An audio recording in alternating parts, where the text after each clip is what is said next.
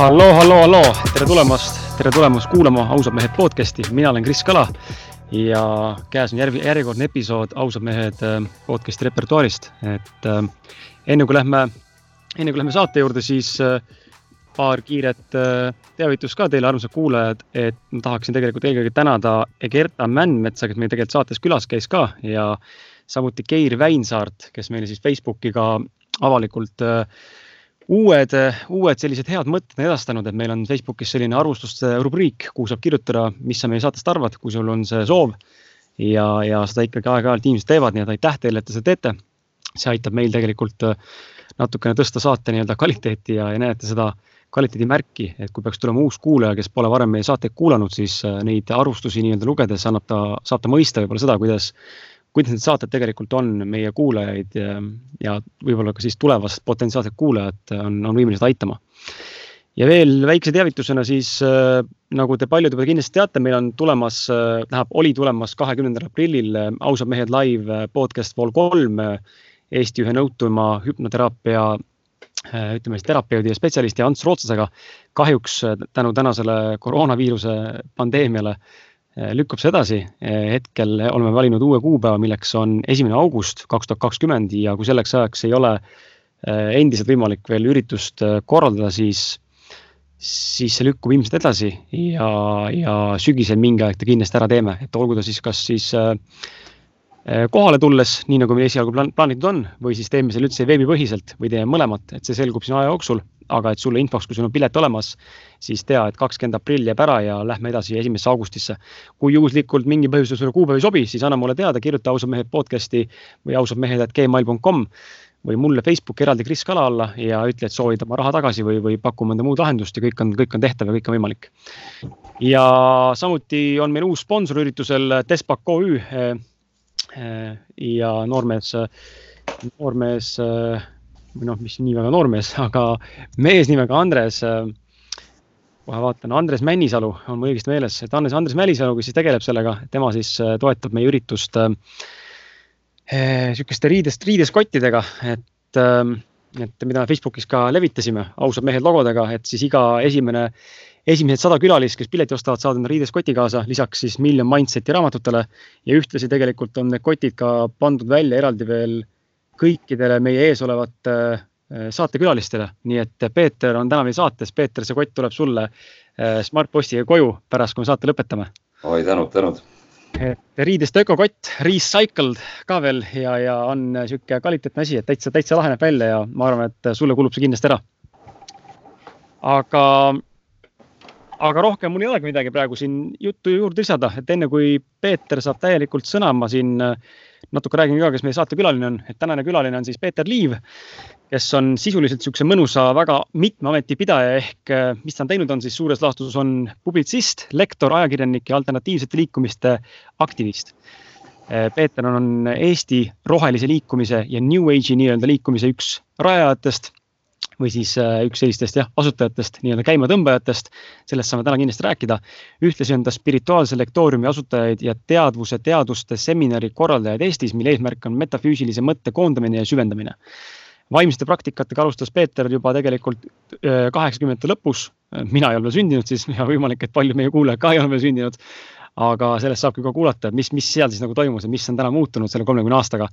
ja täna on siis äh, Peeter Läbikäik tänaseks äh, olnud siis ühenduses või nagu praktiseerinud erinevaid asju ja sealhulgas on ka transcendentaalse meditatsiooni ja silma meelekontrolli meetodid äh,. samuti on katsetanud erinevaid joogastiile, hingamiskunste ning õppinud omal käel Karl äh, Gustav Jungi analüütilist psühholoogiat, Ken Vilbergi või Vilberi, vabandust, integraalset psühholoogiat ja Stanislav Grofi sünnitrauma psühholoogiat. ja samuti korraldades siis nendel teemadel loenguid ja arutelusid ja alates aastast kaks tuhat kaheksa on ähm, Peeter uurinud samuti ja praktiseerinud siis Mantak Chia taoistliku koolkonna harjutusi seksuaalenergia rakendamiseks, tutvustanud ja õpetanud Austria bioküberneetiku Gerhard Ege, Egetsbergi poolt leiutatud BC treeningut, sünteesides seda teiste energeetilise psühholoogia ja muude metoodikatega ning korraldanud neil teemadel mini, minimüsteeriumi sarjast Elujõu saladus. aasta kaks tuhat üheksa alustas Peeter internetikursustega seksuaalsaladused naistele ja seksuaalsaladused meestele nimekiri tegelikult, millega Peeter on oma elus äh, tegelenud ja kokku puutunud, on, on ilmselt äh, põhjatu ja, ja reaalselt tundub, et väga laiahaardeline. ja, ja sellest saamegi täna pikemalt saates rääkida, nii et sellise väikse sissejuhatusega ja mulle väga uute terminitega ja ma arvan ka meie kuulajate jaoks paljude uute terminitega tervitan sind siis podcast'i Ausad mehed. aitäh, aitäh, Kris see saade, meie saade sai tegelikult ju üsna spontaanselt kokku lepitud, et meil kuidagi hakkasime suhtlema seal ähm, kuskilt, mulle keegi meie kuulajatest, ma täpselt ei mäleta, kes nüüd jagas, et äh, sa otsisid abi podcast'i küsimuste asjus ja siis ma kirjutasin sulle, võtsin sellest asjast kohe kinni ja sealt kuidagi hakkasime omavahel rääkima ja, ja ma kohe tundsin, et kurat, et sa oled niisuguse kaliibriga mees, et, et äh, sind oleks väga huvitav kuulata ja, ja oleks huvitav näha, mida sa nagu inimestele edasi tahad nagu anda ja, ja siin me täna istume, et siin üleeile sai otsustatud, et teeme täna saate ja siin me oleme jah, sa olid väga abivalmis, ma olen ääretult tänulik sulle tõesti. aga kas, kuidas sulle tundub selles mõttes, et kas sa ise oled ka sihuke abivalmis või, või selline hea, healoomuline inimene, et äh, mulle tundub, et äh, vaata väga tihti on, kui me pöördume kellegi poole abiga, et a la tahad saada nõu, kuidas podcast'i teha, keegi teeb, eks ole, näiteks nagu meie stsenaarium oli või, või tahad saada mingit abi kellegi käest, kes on spetsialist ja siis väga tihti, võib-olla täna on see muutunud, aga, aga ma tean, et vanasti ma ise nägin ka, kuidas noh, tegelikult ka täna ikkagi on inimesi, kes ei taha väga nagu aidata, nad ei taha väga jagada, sest nad kardavad seda konkurentsi ja kardavad, et võetakse ideed üle või keegi teeb sama asja uuesti või, või mis iganes veel, et kuidas sina sellesse, sellesse nii-öelda suhtud? no kindlasti on ka minus mingit konkurentsivaimu sisse süstitud ja mingit kadedust ja mm -hmm. küüned enda pool asju, aga üldiselt äh, Äh, üldiselt noh, kui see otseselt nüüd minu, minusse ei puutu ja kui mul kuskilt ei pigista otseselt, siis ma üldiselt vist olen üsna jah avatud mm. -hmm. see on huvitav jah, et meis endas on noh, meisse on ajaga lihtsalt nii tugevasti need äh, kasvanud, sisse juurdunud need just nimelt, nagu sa ütlesid ka, et see kadedus ja ja uhkus ja, ja ikka taht, tahtmine parem olla ja mis on kõik õige, aga jah, et kuskilt, kuskilt maalt ma ise näen ka, et mul on nagu tekkinud selline soov äh, heatahtlikkus nagu jagada, et ma ise usun seda, et kui meil on nagu endal noh, kasvõi nagu tuues nagu kuulajatele võib-olla perspektiivina selle podcast'i näite, kui ma jagan kellelegi, kuidas ma podcast'i teen või, või mingeid nippe või asju, siis ma saan jagada ainult seda, mida mina tean. ja, ja aga see ei tähenda, et nüüd, kui ma selle ära jagan, kasvõi sulle või kellele iganes, siis ta saab nagu sama asja teha, et need mõtted, asjad tegelikult on ikkagi meie enda peas, et see teostus võib sul ole, olemas olla, kuidas samm-sammult midagi teha, aga ei tähenda seda, et see sinu jaoks töötab. huvitav jah, et näiteks podcast'i ma küll hea meelega siin jagan kogemusi ja mm. -hmm oma, oma sõpradega-tuttavatega, kes on huvitatud mm. -hmm. väga lahe. aga lähmegi kohe siia saate kohe teemade sisse ära ja räägi siis, Peeter, niimoodi linnulennult. sa võid ka teha seda detailselt, võid teha seda niimoodi mitte väga detailselt, et see on su enda otsus, aga räägi, mis on sinu selline selline kulgemise lugu või teekond olnud, et ähm, kust iganes sa alustada tahad ähm,, mis on siis tänaseni välja, et kus sa oled jõudnud ja kes sa oled ja mis on sind nii-öelda siis mõjutanud no ma olen mõelnud, et ma olen vist jah, selle ühe elu jooksul siiamaani siis mitu, mitu tavalist elu vist elanud seal sees ära, on selliseid ähm, pöördeid olnud. aga selline vaimsem pool äh, on, algas mul minu esimese abikaasa kaudu tuhat üheksasada seitsekümmend viis, kes siis äh, avas mulle sellise klassikalise vaimukultuuri ehk siis klassikalise kirjanduse ja, ja muusika ja, ja filosoofia ja, ja metafüüsika ja esoteerika, nii palju kui seda tol ajal liikus. ja siis tuli ähm, kaheksakümnendate lõpus jah, siis tulid need igasugused kursused siin äh, Soomest ja mujalt ja ja sealt sai proovitud jah, neid asju, mis sa siin nimetasid juba, teem ja, ja silomeelekontrolli meetod ja vabastav hingamine ja ja siis äh, mis siis edasi, tuhat üheksasada üheksakümmend ma siis hakkasin välja andma siis New Age ajalehekeste Päikesetuul, mis oli esimene siis taoline väljaanne, Sünnimaa väljaanded, noh, Paradoks B ja need tulid kuskil aasta hiljem või edasi sealt.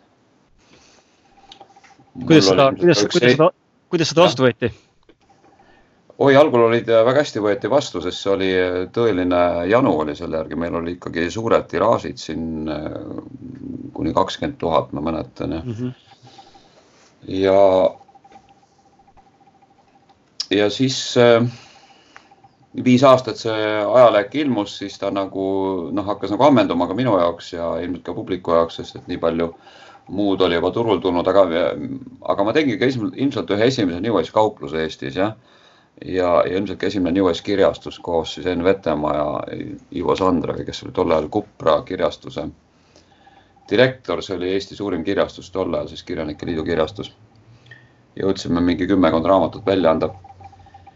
nii et äh, ma olen suht selline hüplik. Äh, ma olen algataja, aga ma ei ole nagu pika vinnaga jätkaja ja siis tuligi kaks tuhat kaks oli järgmine, kus ma läksin raadiosse, ma hakkasin Klassika raadios tegema traditsioonitarkuse sarja.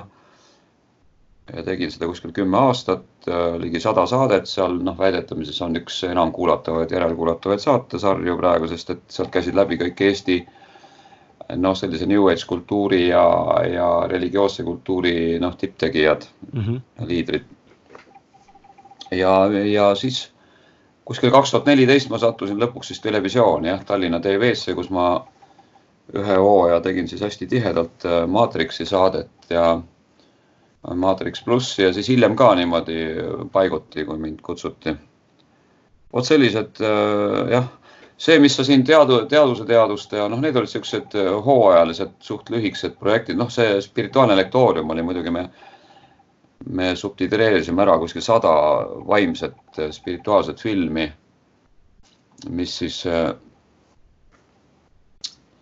Ameerikas üks keskus siis koondas neid ja sealt me neid siis saime ja siis me neid siin nagu näitasime mm. -hmm. Spiritual Cinema Circle vist oli see, see keskus seal, mis üle maailma siis koondas neid vaimseid filme, mida tollal hakati tegema. kas neid filme on eh, täna, tänaseni veel sinu nii-öelda subtiitritega saadaval? ja, ja need on mul siin täitsa olemas sest et noh, siin mõned tegid veel natukene mm, mujalgi, aga üldiselt see asi on siis soiku jäänud, see suurem laine nagu oli ära ja me tegime ikka suht suurtes saalides tol ajal, meil oli noh, niimoodi oligi, et oli enne seda oli võib-olla mõni esineja veel samal teemal ja siis peale filmi oli väga tähtis, et see oli arutelu, et see film oli nagu üks mhm. osa jäänud seal.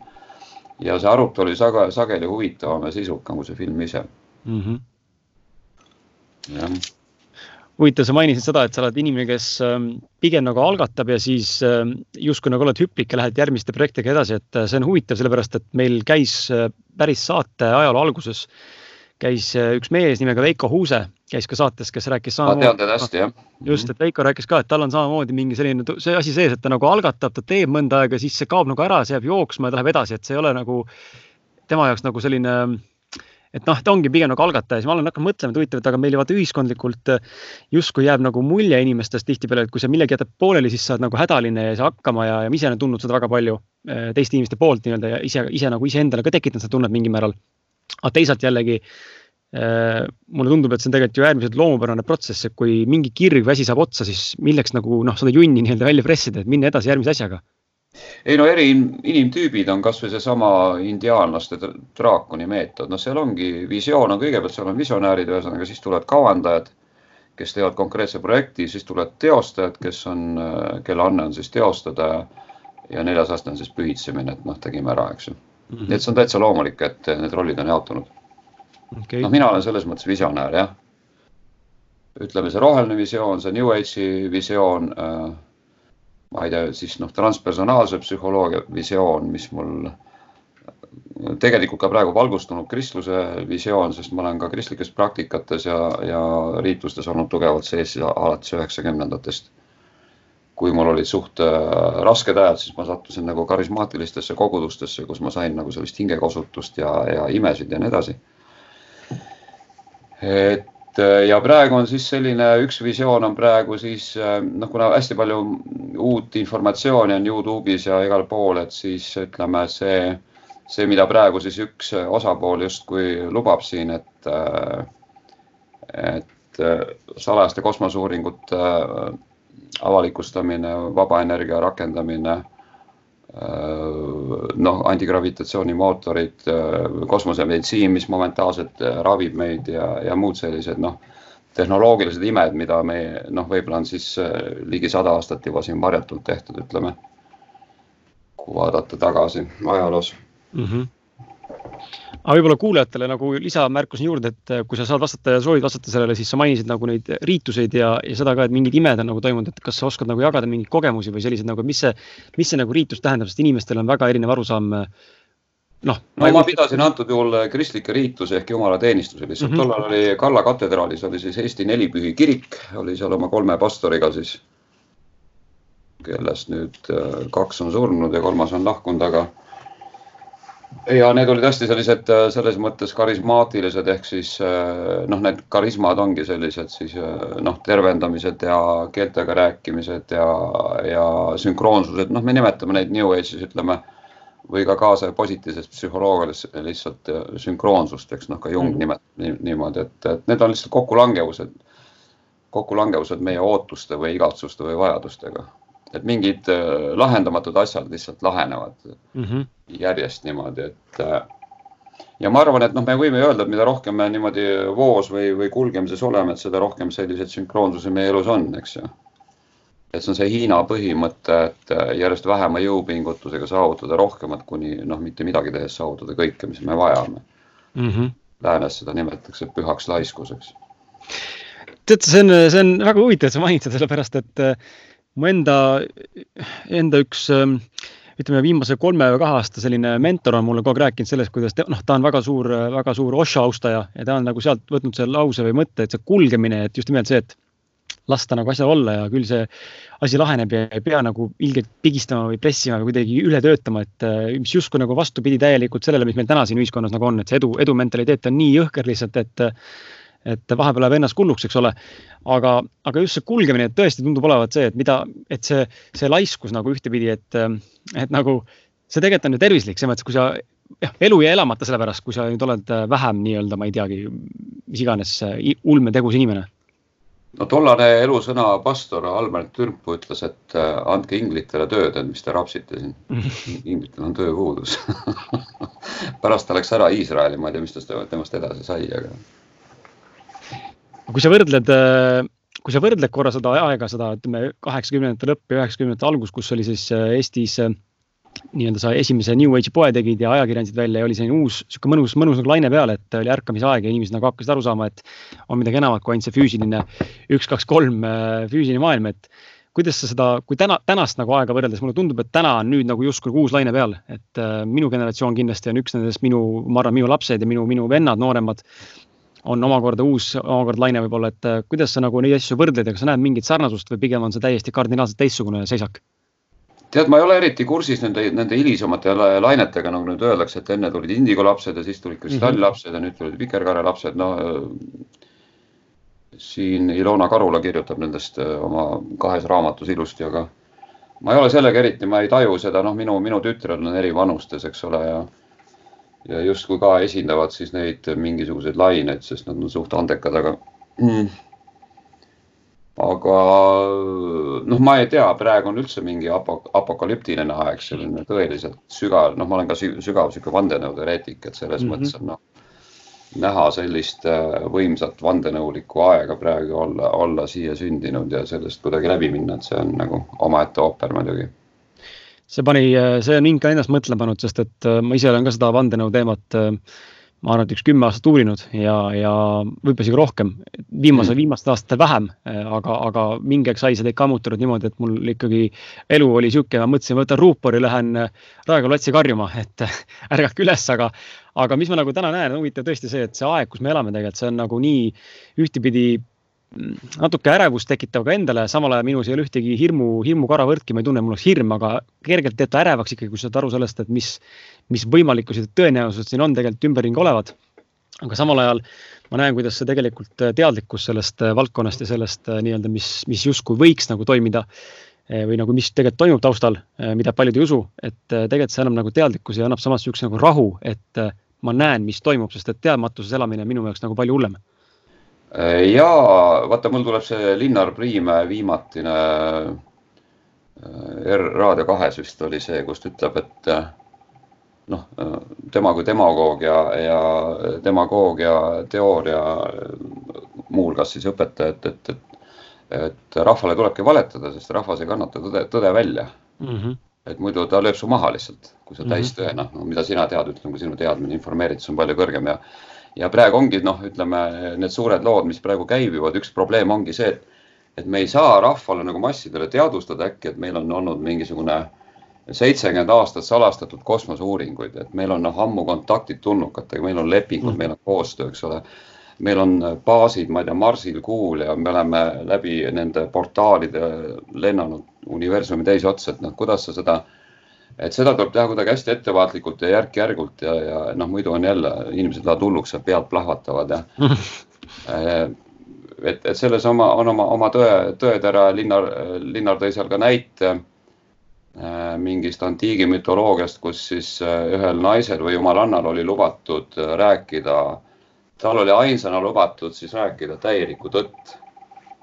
ja, ja, ja mitte keegi, keegi teda ei uskunud mitte kunagi no sellised arhetüübid, vaata, kui me räägime Jungist, siis me leiame mingid sellised arhetüübid või sellised mallid, mis on nagu inim, inimkonna praktikas nagu noh, nii-öelda mm, seal varjus mille raames siis konkreetsed tegevused nagu pinna peal väljenduvad. et need on nii olukorrad kui ka siis arhetüüpsed rollid, noh, vana tark mees või, või ürg ema või kangelane või no ükskõik, eks ole, armastaja, maag, sõdalane, ürgmees ja nii edasi, eks ju et need on sellised ajatud asjad ja, ja mina praegu tajun ka selliste ajatute ja praegu on jälle religiooni aeg, noh, praegu võib lugeda Vana Testamenti ja Johannese ilmutust ja noh, kõik on täkkesse niimoodi, et need arhetüübid äkki noh mm -hmm., ongi niisugune aeg, eks ole. lihtsalt ütleme, karismaatiline kristlus tänub seda, tajub seda kuidagi noh, niimoodi muina, läbi muinasjutu või läbi müüdi. Aga mina, kes ma olen informeeritud, ma näen läbi konkreetsete psühholoogiliste ja, ja sotsiaalsete aktide, kuidas see teostub, eks ju mm. -hmm. see erinevus no tänane see, sellel pikal, pikalt ei taha seal peatuda, aga tänane see pandeemia, mis siin üldse maailmas on, et see tundub ka mulle üha rohkem nagu hakkan aru saama, et äh, noh, nagu kinnitus pigem aru, saama, mitte aru saama, vaid et kui, kui jabur on tegelikult see, see tööriist äh, nii-öelda silt nimega Covid-19, millega lihtsalt külvatakse hirmu, et äh, samal ajal tegelikult väga palju muid asju tegelikult täide viia, et see on see on hämmastav tegelikult, kui vähe on olnud vaja inimestel teha, ma just eile käisin, ma just eile käisin poes ja siin kohalikus alevikus Vätsal siis jalutasin poodi ja siis vaatasin poemüüja maskidega ja kindad on käes, siis see kuradi pleksklaas on ees veel ja, ja kahemeetrised järje, noh, need pausid peavad inimeste sees olema, vahed sees nii-öelda seistes. ja siis astusin õue ja siis ta tuli niisugune nagu tajumine, et kurat, kui haige tegelikult see on eh, just selle koha pealt, et me, me, meile, meid on pandud uskuma midagi, mida tegelikult võib-olla üldse ei eksisteerigi. ja tegelikult elu võiks täna jätkuda samamoodi nagu jätkus, aga meid on pandud uskuma, et elu, elu, elu ei saa jätkata enam ja nüüd on pandud mingi stopp peale. et eh, see on nagu nii jabur, et me oleme nagu nii sihukese nagu väikse sammuga lükatud sõna otseses mõttes perseli ja, ja terve ühiskond usub seda, mida, mida nagu räägitakse. See on üks saade oligi vist hommikul televisioonis siis äh, Välbaga oli Priimägi rääkis siis nagu nendest äh, äh, poliitkorrektsusest jah, kaks tuhat seitseteist hästi hea saade. et vaata üle, seal on nagu Välba jäi üsna jänni seal kohati, ta oli nagu hästi autentne ja siiras ja avatud, aga noh, see tõde, mida nüüd Linnar nagu pani, pani, et see oli isegi tema jaoks noh, liiga sihuke üle mõistuse sügav, rääkimata siis tavainimesest. Ei, väga huvitav aeg. tuleme, tuleme siis korra siia sinu sissejuhatuse juurde, kus ma siin mainisin mõnda asja, et ma olen kuulnud sellest Silva meetodist, et ähm, see ei ole uus asi Eestis, nagu ma aru saan, üldse maailmas ka võib-olla, et ta on juba kestnud mõnda aega siin. aga räägi võib-olla natukene Mm, mis asi see silomeetod on ja mida see endast kujutab ja kuidas, kuidas inimene saab täna seda enda jaoks äh, nii-öelda siis rakendada, et ma enne kui sa vastad, siis kas ta sarnaneb rännaku meetodile või? ei. okei okay.. Ta on pigem minu jaoks, nii nagu mina olen teda võtnud, ta on niisugune maagia, maagialiik lihtsalt, aga ma ütleks, et tänaseks ta on kuidagi vananenud või ta oli tol ajal, Rita Voorela käis Soomes seda õpetamas siin. No see on, et me lähme alfa tasandile lihtsalt ja siis seal kujustame või afirmeerime oma asju, eks ju. Või see poole veeklaasi meetod, et, et kui meil on vaja mingi vastus saada, siis me enne magamaminekut joome pool klaasi vett ära ja, ja programmeerime end siis unenäos selle teada saama või hommikul ja ja kui me seal ei saa, siis me hommikul joome teise pool klaasi ära, programmeerime siis päevaks, et äkki siis saame teada, eks ole. mul oli ükskord väga huvitav juhtum niimoodi. mul oli pass kadunud ja, ja mitte kuskil ei ole ja, ja siis ma läksin sinna alfa tasandile ja ja natuke seal nagu noh, niimoodi nagu suht lõdvestunud, aga sa nagu natukene nagu vaatad või niimoodi hästi õrnalt niimoodi. ja siis, kui ma sealt välja tulin, siis ma, mul oli padi oli seal diivani peal. ma pistsin oma käe sinna padja alla pass oli seal, eks ole, ma istusin peaaegu peal seal. et see oli kõige, kõige drastilisem juhtum, noh, kus sa, kui sa oled asju kaotanud või mingid asjad ei tule mm -hmm. meelde, mis on väga vajalikud, et siis see oli nagu hästi praktiline. aga noh, peale seda Secreti lainet, eks ole, mis, kui see raamat ja film tulid, et seda asja on nagu palju-palju edasi arendatud ja noh, Vadim Seelandi raamatud jälle uus aste maagias, eks ole mm. -hmm või nüüd, kui lugeda juba Lazarevi karmadiagnostikat, kus ta üldse eriti maagiat ei soovitagi, et soovitab nagu peenemaid tasandeid, et, et seal on ka võib-olla omad tagasilöögid ja nii edasi nii et see maagiateadus on mind kogu aeg huvitanud alates, alates jah, sellest Silva meelekontrolli, ma olen seda oma elus palju rakendanud, aga noh, vaata inimene on laisk, et kui ta, kui ta saab enam-vähem kõik kätte, mis tal vaja on, et siis ega ta ei viitsi eriti rohkem mm. -hmm.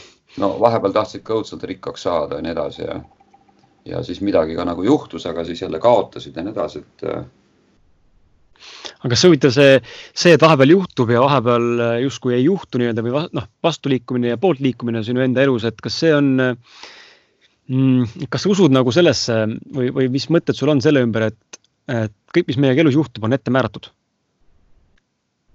Ehk siis me ei saa nagu otseselt võib-olla kõiki asju kontrollida vaba, vaba tahte, vaba loomingu mõttes, et aga, aga kuskil on piir ees, aga samas meil on nagu mängumaad nagu luua seda, kuidas me mingi asjani võib-olla jõuame punktist A punkti B, me saame nagu muuta trajektoori nii-öelda, kuidas me liigume, aga me ei saa nagu muuta enda rada. no see oleneb meie maailmavaatest nüüd, mis jah, neid on minu jaoks kolme sorti, aga aga üks ongi see, noh, mis on Michael Newtonilt nüüd pärit, ütleme, eludevahelise elu uuringutest, et meil on, me siiski töötame välja, püstitame oma elu ülesande Eh, mille me selles elus justkui tahame siis täita, mis on enam-vähem jõukohane, noh, milles meid on nõustatud ja nii edasi mm. -hmm. et äh, aga seal ei ole üksikasjad määratud, seal on, ütleme, see üldine joonis on määratud enam-vähem ja seal on ka mingisugused märgid, mis aitavad meil noh, ütleme keerulistel hetkedel, et kui meil tulevad need märgid meelde, et ahah, et me seal planeerisime. Et me ei näe seal oma elu ette nendel, nendel pöördepunktidel, me näeme, võime tulla küll oma tulevasse kehasse ja, ja kogeda ennast seal sellisena, aga mitte nendes pöördepunktides, kus me peame nagu ennast üle, ületama ja transformeerima.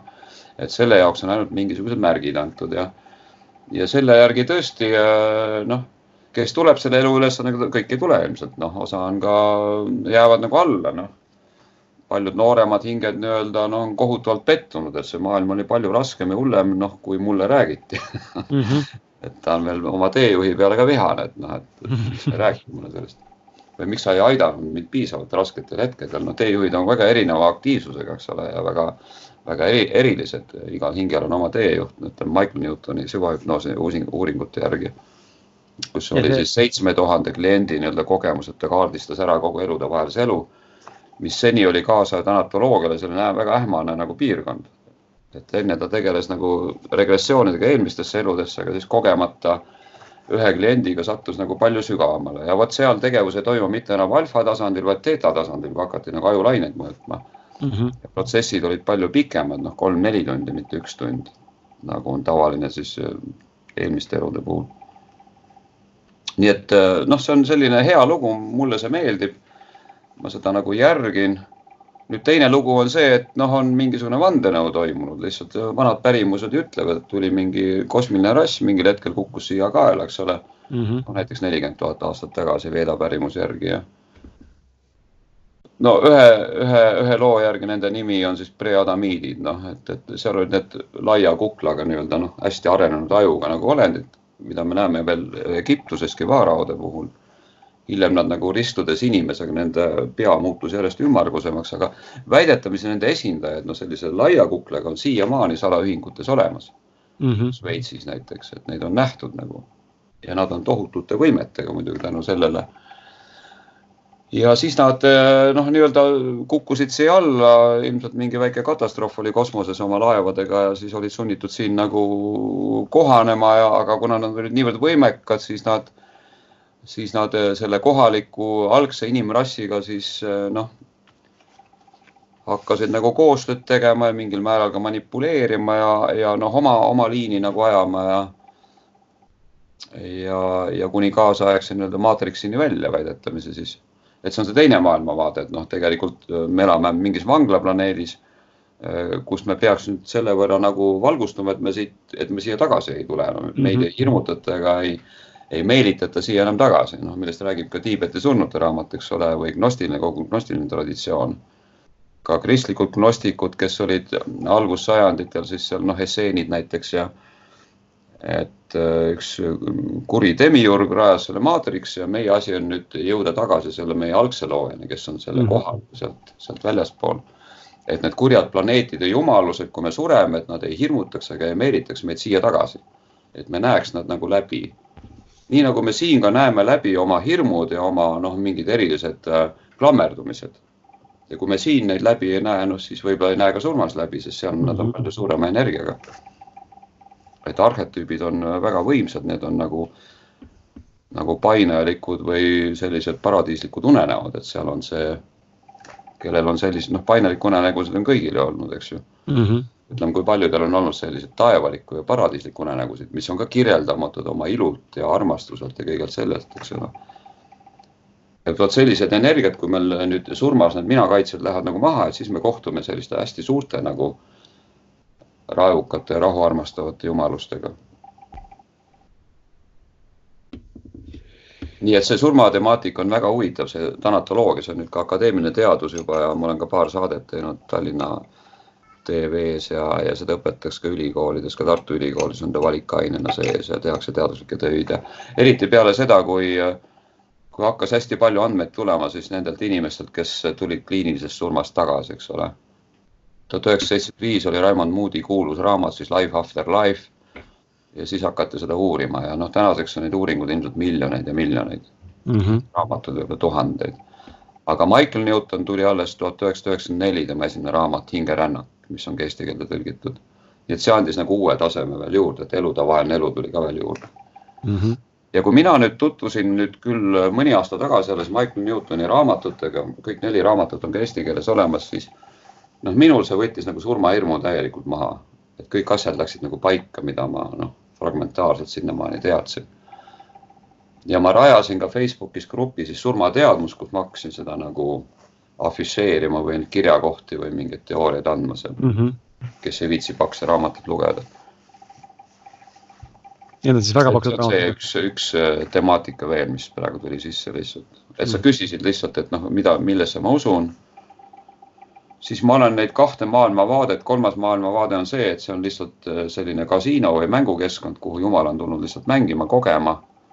et siin ei ole tegemist ei vangla ega ka mingi hinge arenguga, vaid noh, hing on nagu ta on, eks ole. täiuslik, aga ta asetab ennast ka väljakutsuvatesse olukordadesse, et siis kogeda nii head kui halba, eks ole mm. -hmm. et ole sa külm, ole sa kuum, aga ole leige sest kannatuses me õpime ju hästi palju, kui me heaga ei õpi, siis me õpime kurjaga, eks ju, ütleme mm -hmm. niimoodi. ja paljud, suurem osa inimesi, oleneb kultuuriastmest, siis ütleme, meie kultuuris enamus inimesi õpib läbi kannatuse eeskätt. nii et mina olen püüdnud nagu enda jaoks integreerida kõiki neid kolme lugu, et ma ei, ei viskaks ühtegi nendest nagu kõrvale mm. -hmm. kui me räägime praegu sellest vandenõulikkusest, siis siis see on seotud selle teise looga, eks ole mm. -hmm. ma räägin eneseteostusest ja äh, siis on seotud nagu e-, esimese looga pigem, eks ole, ja see niivõrd, kui ma olen mäng, mänguline jällegi, see, on seotud kolmanda looga. väga huvitav jah. ja siit tuleneb ka maailmavaate teraapia. et Lazarev ka väga rõhutab, et äh, me saame inimest tõeliselt äh, tervendada alles väga peentel ehk maailmavaatelistel tasanditel, kus me mõistame asju mitte lihtsalt ei tunneta või ei tunne mm, -hmm. lihtsalt ei tunne armastust, vaid me näeme ka läbi, meil on ka intellekt töötab, et me näeme läbi neid seoseid, me oleme informeeritud ja nii edasi. ja, ja siis me saame tervendada väga peeneid tasandeid. ja ta ütlebki huvitavalt, et kõige võimsamad vahendid nende peente tasandite tervendamiseks ongi palve ja patukahetsus, patutunnetus noh, mis on nii kristlis, kristluses, budismis, klassikalises joogas ja nii edasi kõrgemate astmetena olemas täiesti. et see on kõige lihtsam. ja noh, see on ka kõige, kõige massilisem, eks ju mm. -hmm. lunastususundid on maailmas kõige massilisemad.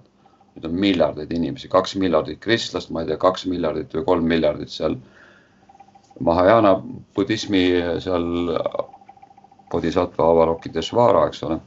käisin hiljuti Jaapanis seal Tokyos käisime mitmes Gwennoni templis, mis on siis Jaapani variant sellest jumalanna Guaninist või, või siis Mahajana budismi juba sellest lunastususundist, avalokides varakultusest. et rahvas on nagu hästi usklik selles mõttes noh, hardunud, andunud mm. -hmm. see on see bhakti jooga, et, et andunud pühendumine Jumalusele, et see on kõige lihtsam ja nüüd selgub Lasari järgi tema tohutu selgeltnägelikkuse ja teaduslike uuringute järgi, et see on ka kõige tõhusam meetod üldse. et see on täitsa hämmastav huvitav jah, on tegelikult no,, huvitav on näha olnud ka enda puhul ka inimestega suheldes, kui palju on erinevaid maailmavaateid ja just neid tõlgendusi, mida keegi usub ja mida keegi nagu tõeks peab, et äh.... mina taandaks, ütleme need äh, maailmavaadete äh, paljususe nendele kolmele põhivaatele, ma ei ole nagu rohkem leidnud mm -hmm. Süvavaateid, ütleme nii. Need on kõik erinevad variandid lihtsalt ja enamus inimesi ei teadvusta oma maailmavaadet ja kui nüüd aidata tal teadvustada ja muuta tervet maailmavaadet, ehk siis mis, mis määrab ära baasuskumused ja baashoiakud, siis see võib olla kõige tõhusam ravi üldse. mida näiteks eksistentsialistlik psühhoteraapia kasutabki, seal ongi maailmavaate teraapia on seal sees. et me ei muuda mitte ainult tundeid, noh nagu ütleme, mõned teraapiad siin, et, et me Äh, leiaksime, gestalt, gestaltteraapia näiteks, et me leiaksime ehedad tunded, et, et siis see mm -hmm. nagu mhm. tervendav kuni armastuseni välja. vaid me leiame ka oma äh, kõige sügavamad vaated ja nende vaadete süsteemi, mis on siis maailmavaade. ja mis on tulenenud siis meie noh, ilmselt kas siis esimestest eluaastatest või, või üsaperioodist, prenataalsest faasist juba või isegi veel varasemast mm. -hmm see, kuidas Laasar on näiteks äh, diagnoosib oma haigeid, ta näeb mitmeid elusid ette ja taha kõikvõimalikes suundades ja väga täpselt ütleb ära, näete, et siin teie vanaema tegi sellise asja, eks ole, mis kandus äh, teie emale ja sealtkaudu teile mm. -hmm. see on see haigus teil siin. nüüd te peate seda, seda ja seda tegema, andma kellelegi andeks endale, teistele.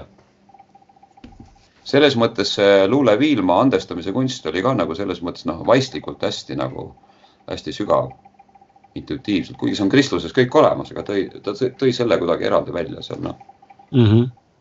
ja ilmselt äh, paljud inimesed saavutasid seeläbi väga palju. seda luule, luuleraamatuid äh, väga palju on meil külaliste poolt soovitatud, et nad ise lugenud seda ja neid on see mõjutanud ja kõnetanud, et ma ise ei ole, et äh, hästi huvitav, et ka sina seda mainid praegu. Ma elasin just sel ajal, kui toimus see luule nii-öelda esile kerkimine, see oli üheksakümnendate alguses, ma mäletan, olid need äh, messid olid tervisemessid ja, ja kui ta seal esimest korda isegi võib-olla ma olin seal saalis siis vist või, või olin seal noh, külastasin seda messi vähemalt, kui oli tema esine, esimene esinemine. et selles mõttes minu elu on olnud huvitav, et ma olen mitmete äh, voolude inimeste nagu tunnistajaks olnud mm. -hmm. Et isegi ma mõtlen, et vähe on neid inimesi, keda ma oma põlvkonnast või natuke nooremad, keda ma ei teaks või, või keda ma ei tunneks, eks ole, kes on spirituaalses maailmas midagi teinud et selles mõttes noh, ma võin olla selline elav kroonik või kroonikakirjutaja mida on käidudki ka, üliõpilased on käinud jah, küsinud nii roheliste ajaloo kohta, New Age ajaloo kohta ja nii edasi. seda on, töid on tehtud. väga huvitav. Kui me räägime korra veel nendest kolmest mehest, Carl Gustav Jungist, Ken Wilberist ja Stanislav Grossist. Jung jah, Carl Gustav Jung, Jung.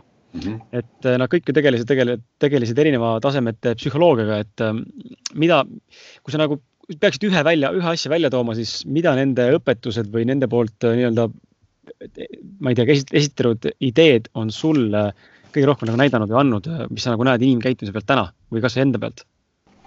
Kas on mingi läbiv, läbiv mingi muster, mis ikkagi on, on nagu selline mingi tugev, tugev asi, millega peaks tegelema või mis on siin paratamatult kogu aeg üleval inimestes või, või, või ei ole? no vaata, nad on kõik transpersonaalse psühholoogia, kas siis rajajad või noh, transpersonaalne psühholoogia on nagu ütleme, teosoofia mantlipärija uuel tasandil. teosoofia oli esimene, kes püüdis siis ühendada erinevate maade müstitsisme mm, -hmm. esoteerikat, eks ole, hermetismi, noh, Blavatski ja kes seal olid kõik. Ja, ja tuhat, tuhat üheksasada alguses siis oli, ütleme, kaasaegse transpersonaalse psühholoogia vanaisaks loetakse äh, Ameerika pragmatismi ja üldse maailma pragmatismi rajad William Jamesi. sest mäletame, siin tuhat üheksasada kaks ilmus tema raamat siis äh, religioosse kogemuse paljunäolisus, mis on nüüd ka eesti keelde tõlgitud.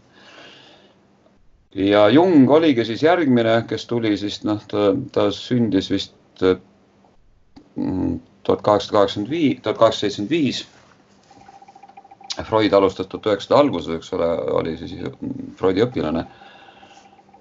ja Jungi loetakse siis nagu transpersonaalse psühholoogia isaks. ta suri tuhat üheksasada kuuskümmend üks. ja siis äh, tuhande üheksasaja ütleme see kaheksakümnendatel tuli nüüd see kolmas laine juba, kui tulid Ken Wilber, Stanislav Grof, eks ole, teised vähem tuntud tegijad võib-olla. Äh, kes siis rajasid oma, juba oma Esaleni ja teised instituudid Californias ja noh, täitsa nagu teadu, teaduse tasandile. ja Ken, Ken Wilberit loetakse üldse praegu elavatest filosoofidest noh, kõige selliseks mitmekülgsemaks, erudeeritumaks ja, ja populaarsemaks ka eesti keelde on paljud tema raamatud tõlgitud, nii et, nii et transpersonaalne psühholoogia vaatleb nüüd ähm,, uurib erinevate maade müstitsismi, siis äh, süstematiseerib, mõtestab seda ja teostab ka noh, nagu edasiuuringuid, mida võib-olla traditsioonitarkuses ei. vaat minu saatesarja nimi oli ka Traditsioonitarkus Klassikaraadios. aga, aga see psühholoogia haru on sealt veel edasi läinud ja Eesti ütleme, ainus akadeemiline transpersonaalne psühholoog on praegu Alar Tamming, kellel oli sel teemal diplomitöö. Mare Kork oli tema juhendaja Tartu Ülikoolis.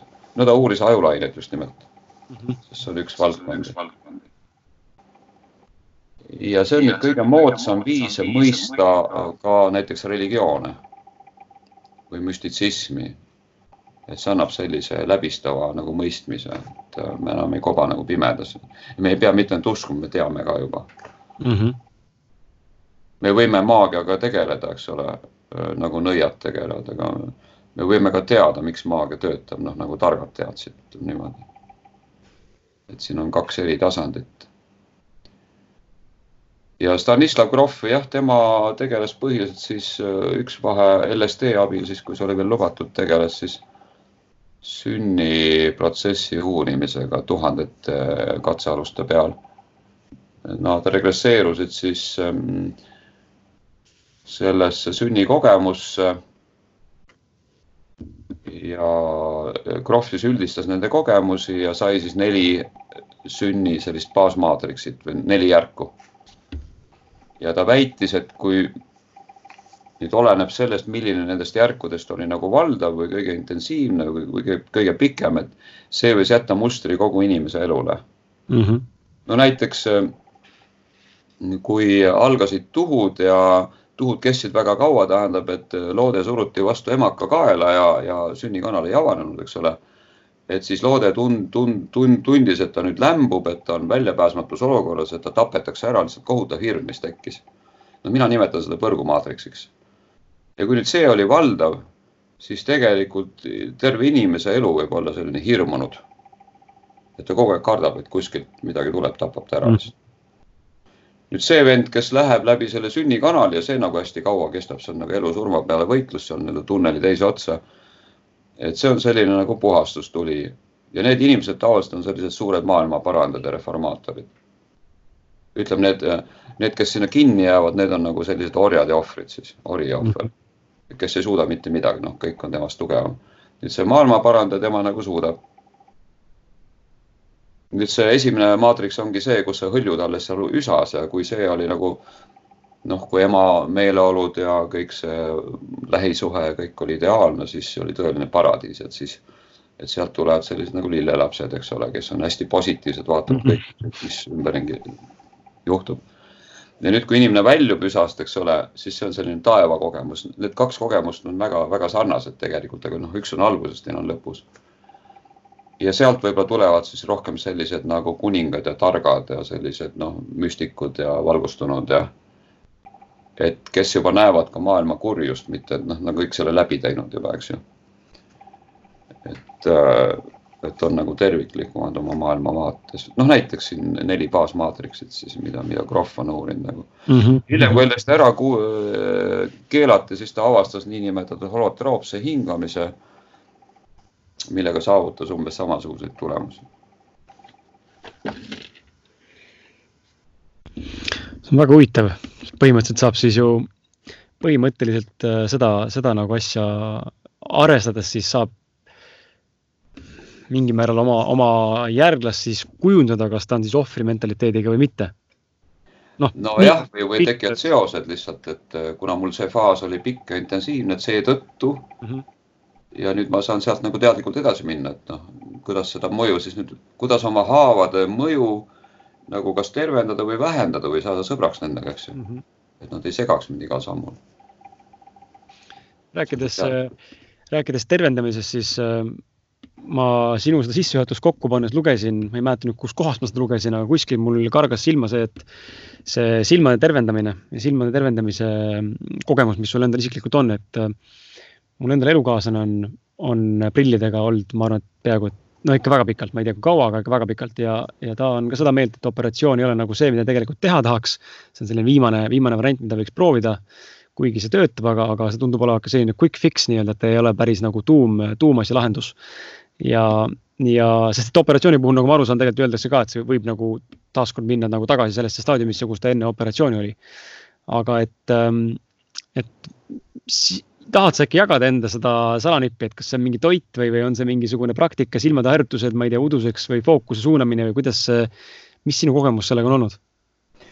no mina sattusin Vladimir Zdanov ühe video peale, kes tollal oli siis äh, Venemaa karskusseltsi esimees, võib-olla siiamaani kes siis tegi ühte kursust ja seal ta andis siis äh, mingid viis-kuus harjutust, mida ma hakkasin tegema. ja ma prille olin kandnud vist, ma ei tea, ma ei mäleta, mitu aastat ma olin kandnud juba. Igatahes noh, mul oli niimoodi, et pluss kaks koma seitsekümmend viis ja pluss kaks ja pool ja ma, ma olin vist kaks korda neid juba vahetanud kangemate vastu. ja, ja mul võttis aega kaks kuud kuskil järjest vähemate prillidega, paari nädala tagant ma võtsin poole numbri võrra väiksemad prillid kuskilt Balti jaamast ja siis ei olnudki enam vaja. ja siiamaani, see oli kuskil viisteist aastat tagasi võib-olla nüüd juba mm -hmm.. siiamaani, noh, mul oli vaja lihtsalt, ma saaks vabalt lugeda arvutit, raamatut, ma ei pea mingit kribukirja lugema, eks ole. selleks on mul luup. ja noh, kuigi osa saavutavad ka sellise kaugnägemise ja, ja sellise mikroskoopilise lähinägemise ja nii edasi, noh, kes nagu huvi pärast või kellel on nagu eeldusi siis selleks, et nad saavutavad nagu ülinägemise juba, et noh, minul ei ole see eesmärgiks olnud ja, ja see nüüd oleneb, mul on ka Facebookis olemas äh, selline Facebooki kursus täiesti üleval. Mingi väikse raha eest siis äh, saab kuu aega, seal on siis harjutused, seal on igasugused muud asjad, silmavannid, äh, kontorihügieen ja nii edasi. et saab selle kõik kätte ja siis saab hakata harjutama, tegema kohe ja. ja nüüd oleneb jällegi, see on väga individuaalne, et mõnel, mõnel õnnestub see täielikult noh, sinnamaani taastada nagu mul, mõnel võib-olla ei õnnestu, läheb lihtsalt paremaks mõnel võtab aasta aega, mõnel võtab, Stanoli võttis aega kuus päeva, kui ta oli kursustel, kuue päevaga ta taastas pluss kahe pealt nulli. ja sinna see jäi ja noh, harjutusi ma teen iga päev niimoodi.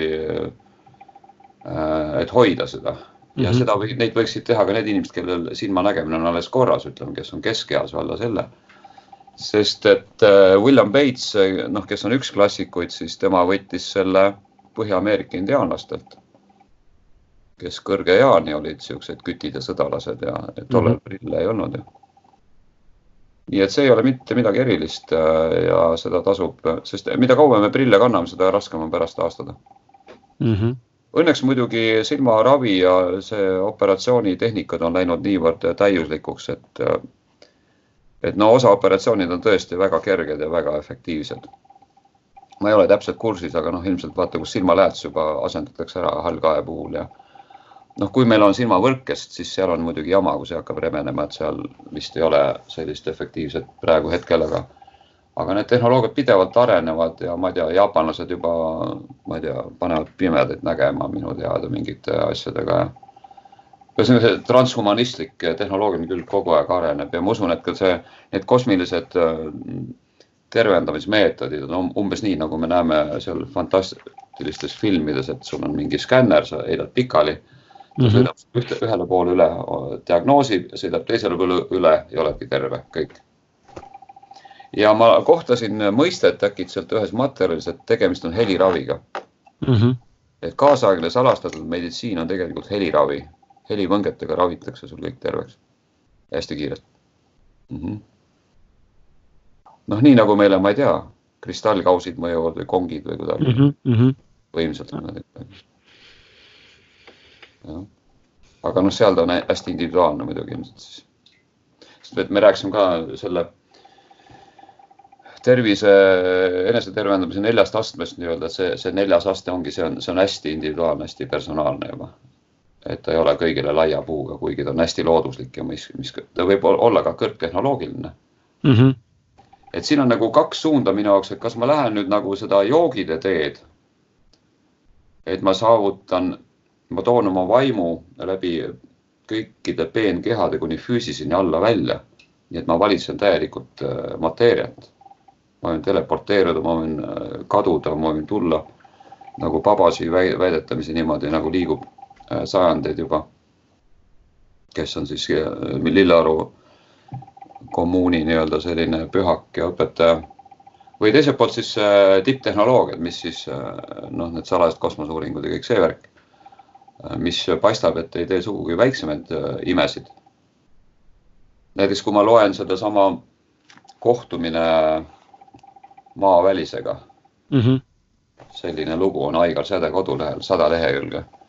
siis Roosevelti ufo katastroofis siis jäi selle, noh, hiljem selgus, et seal mitu laeva kukkus alla, aga, aga et ühe laeva siis komandör jäi nagu ellu. ja tänu sellele, et tal oli nagu hästi tugev keha võrreldes teiste meeskonnaliikmetega, kes olid nagu madalama astme ohvitserid, et need hukkusid aga tema keha oli nii tugev ja ta oli, tema vaim või tema hing oli selles elanud miljardeid aastaid järjest ei olnud pidanud seda vahetama. vot selline tase, eks ju. et tegutseda materiaalses maailmas, vormilises maailmas, selles duaalses maailmas, objekti-subjekti maailmas mängida neid mänge, me vajame seda keha. Aga meie, meil on alles selline looduslik tsükkel. miks Vana-India sidad, ülivõimekad inimesed miks nad pikendasid oma eluiga võimalikult pikaks, et jõuda ühe elu jooksul sellise võimeni valitseda täielikult oma keha mm. -hmm. ja siis nad kasutasid seal mingeid salajasi selliseid looduslikke retsepte, mis pikendasid tohutult nende eluiga. noh, ma ei tea, kui palju. aga Veda traditsioon väidab, et, et algne inimene oli praktiliselt surematu, tal olid ülivõimed, ta võis materialiseerida momentaalselt ja nüüd, kui see parasiitrass tuli, ta ei saanud nagu otse võtta, ta oli hästi tehnoloogiline, tal olid võib-olla aatomrelvad ja kõik see, aga see oli köki-möki võrreldes nende võimetega. ja seega tuli võtta nagu sala äh,, nagu kavalusega mm. -hmm. Ja siis mida tehti, et äh, korraldati mingi dessant ja siis nagu lihtsalt varastati lapsi ja naisi. naistega tehti uusi lapsi. lastele tehti ajupesu. loodi selline viies kolonn lihtsalt, mis siis järjest laienes ja selle kaudu õnnestus siis neljakümne tuhande aastaga nii-öelda vot viia inimkond siis nii kaugele, nagu ta praegu on mm. -hmm. jah. nii et eh, see tehnoloogia pool on hästi põnev ja, ja see sisemine or orgaaniline pool on hästi põnev, mõlemad on hästi põnevad minu jaoks. ütleme, teine on see anorgaaniline, siis see transhumanistlik kas sul endal on ka mingisuguseid äh, selliseid, ma ei teagi, rituaale või mingeid tervist, tervist edendavaid või, või tõstvaid nii-öelda tegevusi või mingeid toite, mida sa kindlasti tarbid või võtad sisse eraldi või, või mida sa soovitad või mida oled tarbinud ja mis aidanud sind? No toitumisega ma olen tegelenud, tegelenud alates tuhande üheksasaja kaheksakümnendatest, kui ma sattusin äh, terviseklubisse siin Jaan Tommi kultuuripalees ja ja tollal see oli muidugi niisugune lapsemäng võrreldes praeguste teadmiste võimalustega ja loomulikult ma olen ka otsinud oma individuaalsust, äh, individuaalset toitumist läbi ka veregrupi dieedi, läbi paleodieedi mm. -hmm. ja, ja mitmete noh, primitiivsemate, nii et äh, see on tunnetuse värk. see võtab aega.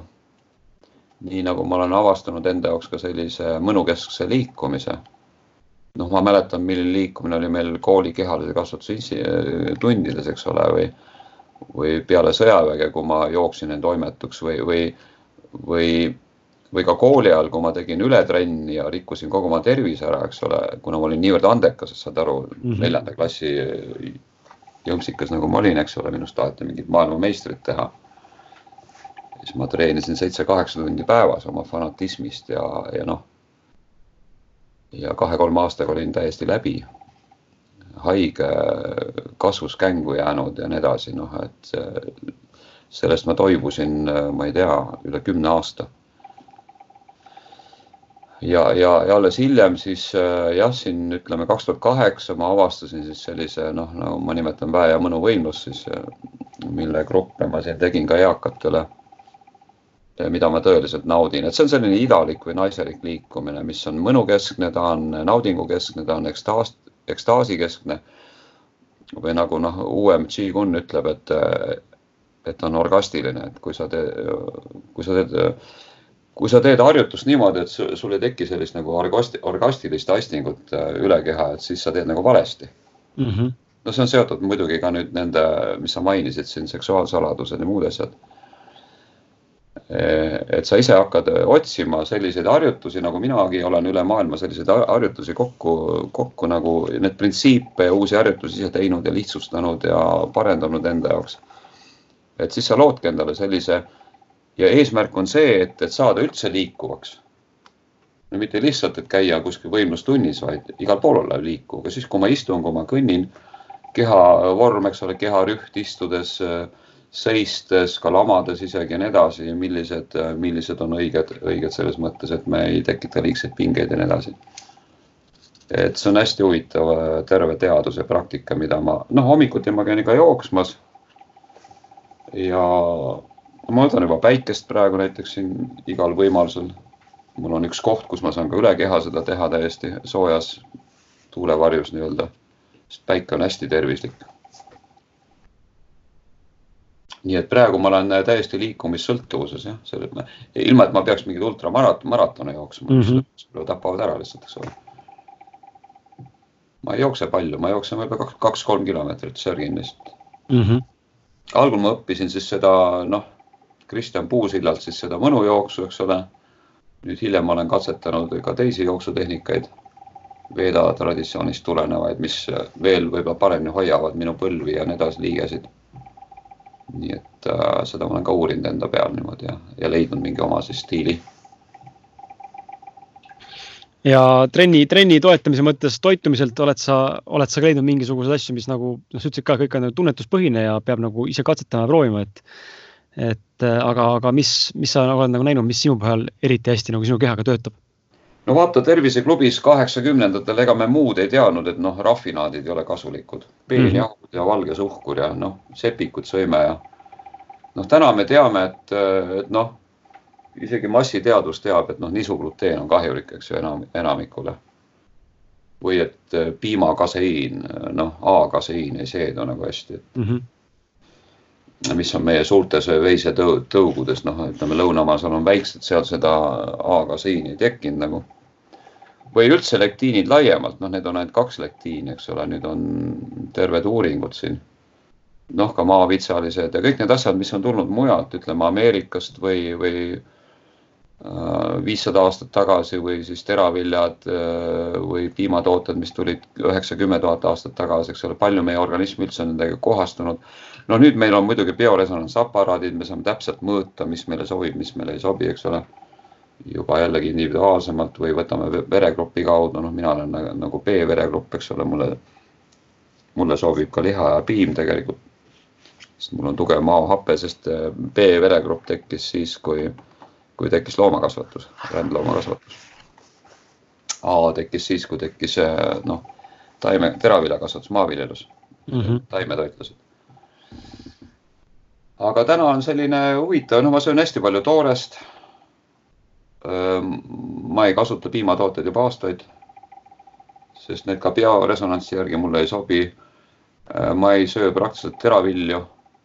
noh, riisi ma võin süüa vahel harva nädalas.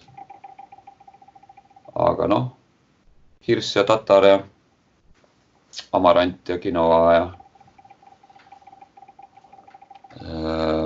see on kõik olemas, tegelikult noh, söögivalik on tohutu lai, noh, tavainimene mõtleb, et mida ma siis üldse söön, eks ole, aga noh mm -hmm., süüma, siis see on meeletu, meeletu valik, mis sealt tuleb ka üle maailma. ma leian, et noh, ma söön muidugi peotoitu. eeskätt harva, kui ma tavapoest midagi ostan sest äh, siin noh, biomarketis on hästi suur valik äh, ka kõikvõimalikku värsket ja nii edasi, nii et ja noh, võib-olla tänu sellele, kui mul on nii, niivõrd palju meeletult energiat.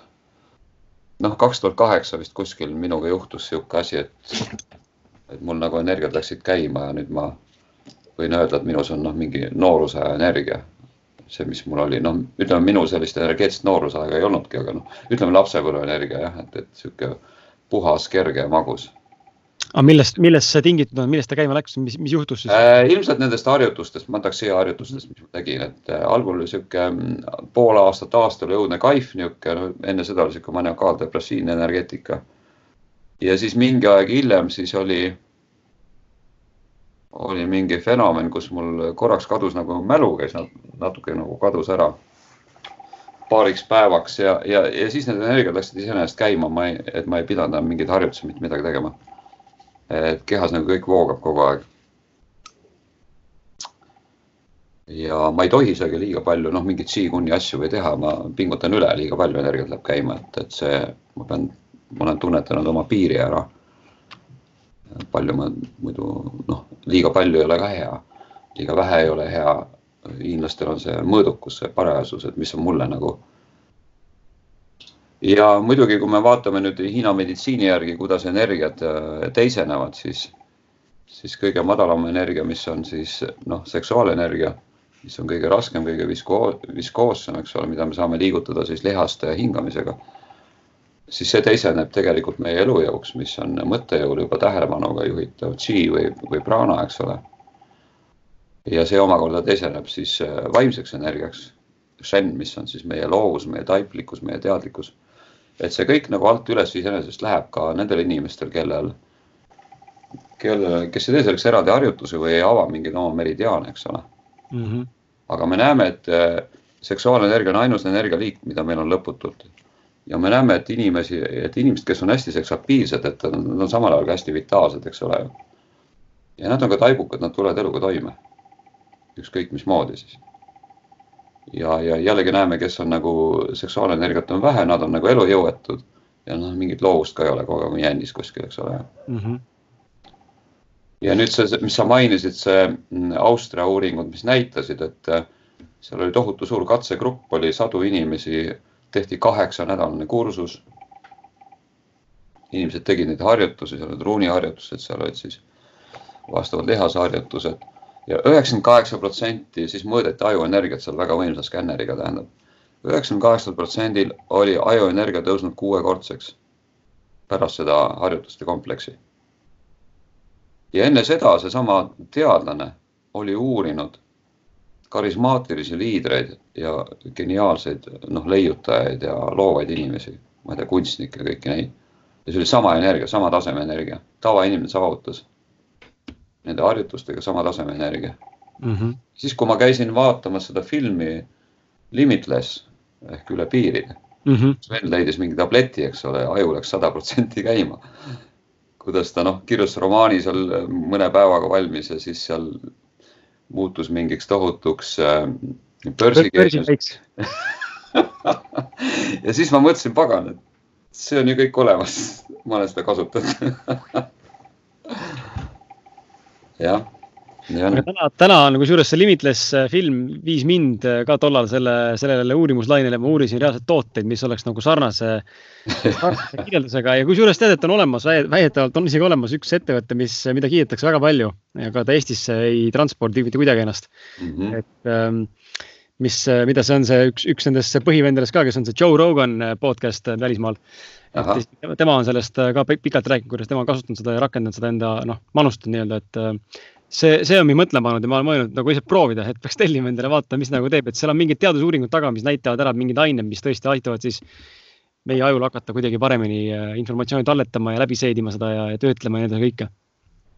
no vaata, praegu alates tuhande üheksasaja kaheksakümnendatest algasid USA-s ähm, akadeemilised vitaalse vananemise uuringud. ja kaks tuhat kaheksa, kaks tuhat kaheksa vist oli jah juba juba suur konverents, üle kolme tuhande teadlase ja, ja noh, praegu on Peterburis on instituut, mis siis töötab välja peptiide mm. -hmm. ja ma käisin viimati paar nädalat tagasi loengul, kus teadlane väitis, et, et kui tavaliselt eh, meie telomeeridel, inimkeha telomeeridel on keskmiselt nelikümmend neli jätku, eks ole, nelikümmend neli korda rakud uuenevad. noh, me teame, et eri organite rakud uuenevad väga erineva ajaga, aga ütleme keskmine, siis nemad olid saavutanud tulemuse seitsekümmend seitse jätku. mis tähendab juba peaaegu kahekordset eluea pikenemist, eks ju ja, ja nüüd on koostöö nii Euroopa kui ka USA-ga, tähendab see noore, noorenev vananemine ja seal on saavutatud siis kas terom, telomeeride mitte lühenemine, tähendab, et nende stabiilsus või isegi nende pikenemine. Ja, ja neid väga aktiivselt praegu uuritakse täiesti avalikult, ma, ma ei pea siin silmas salastatud uuringuid, ma ei oska öelda, mis seal on toimunud, aga ühesõnaga